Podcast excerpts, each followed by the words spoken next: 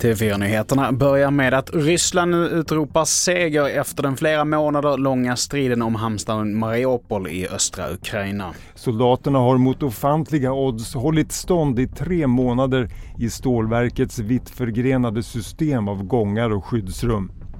En del av soldaterna har förts till sjukhus, andra till fångläger. Frågan är nu om soldaterna kommer att behandlas som krigsförbrytare. Ukraina vill se dem som del i ett fångutbyte.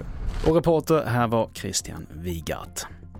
Och vi fortsätter med att regeringen vill ändra på lagen om vård av unga så att socialtjänsten kan ta hand och placera om barn som far illa innan ett beslut har verkställts, det rapporterar DN. I dagsläget så begår föräldrar som försvinner med sina barn inga brott om de inte har blivit delgivna. Och nu vill man alltså se över detta och regelverket kring ett utvidgat utreseförbud. Och remissen på det här kommer att skickas in på måndag.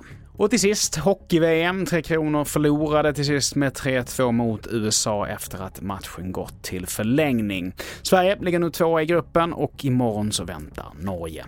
Fler nyheter det hittar du på tv4.se. Jag heter Mattias Nordgren.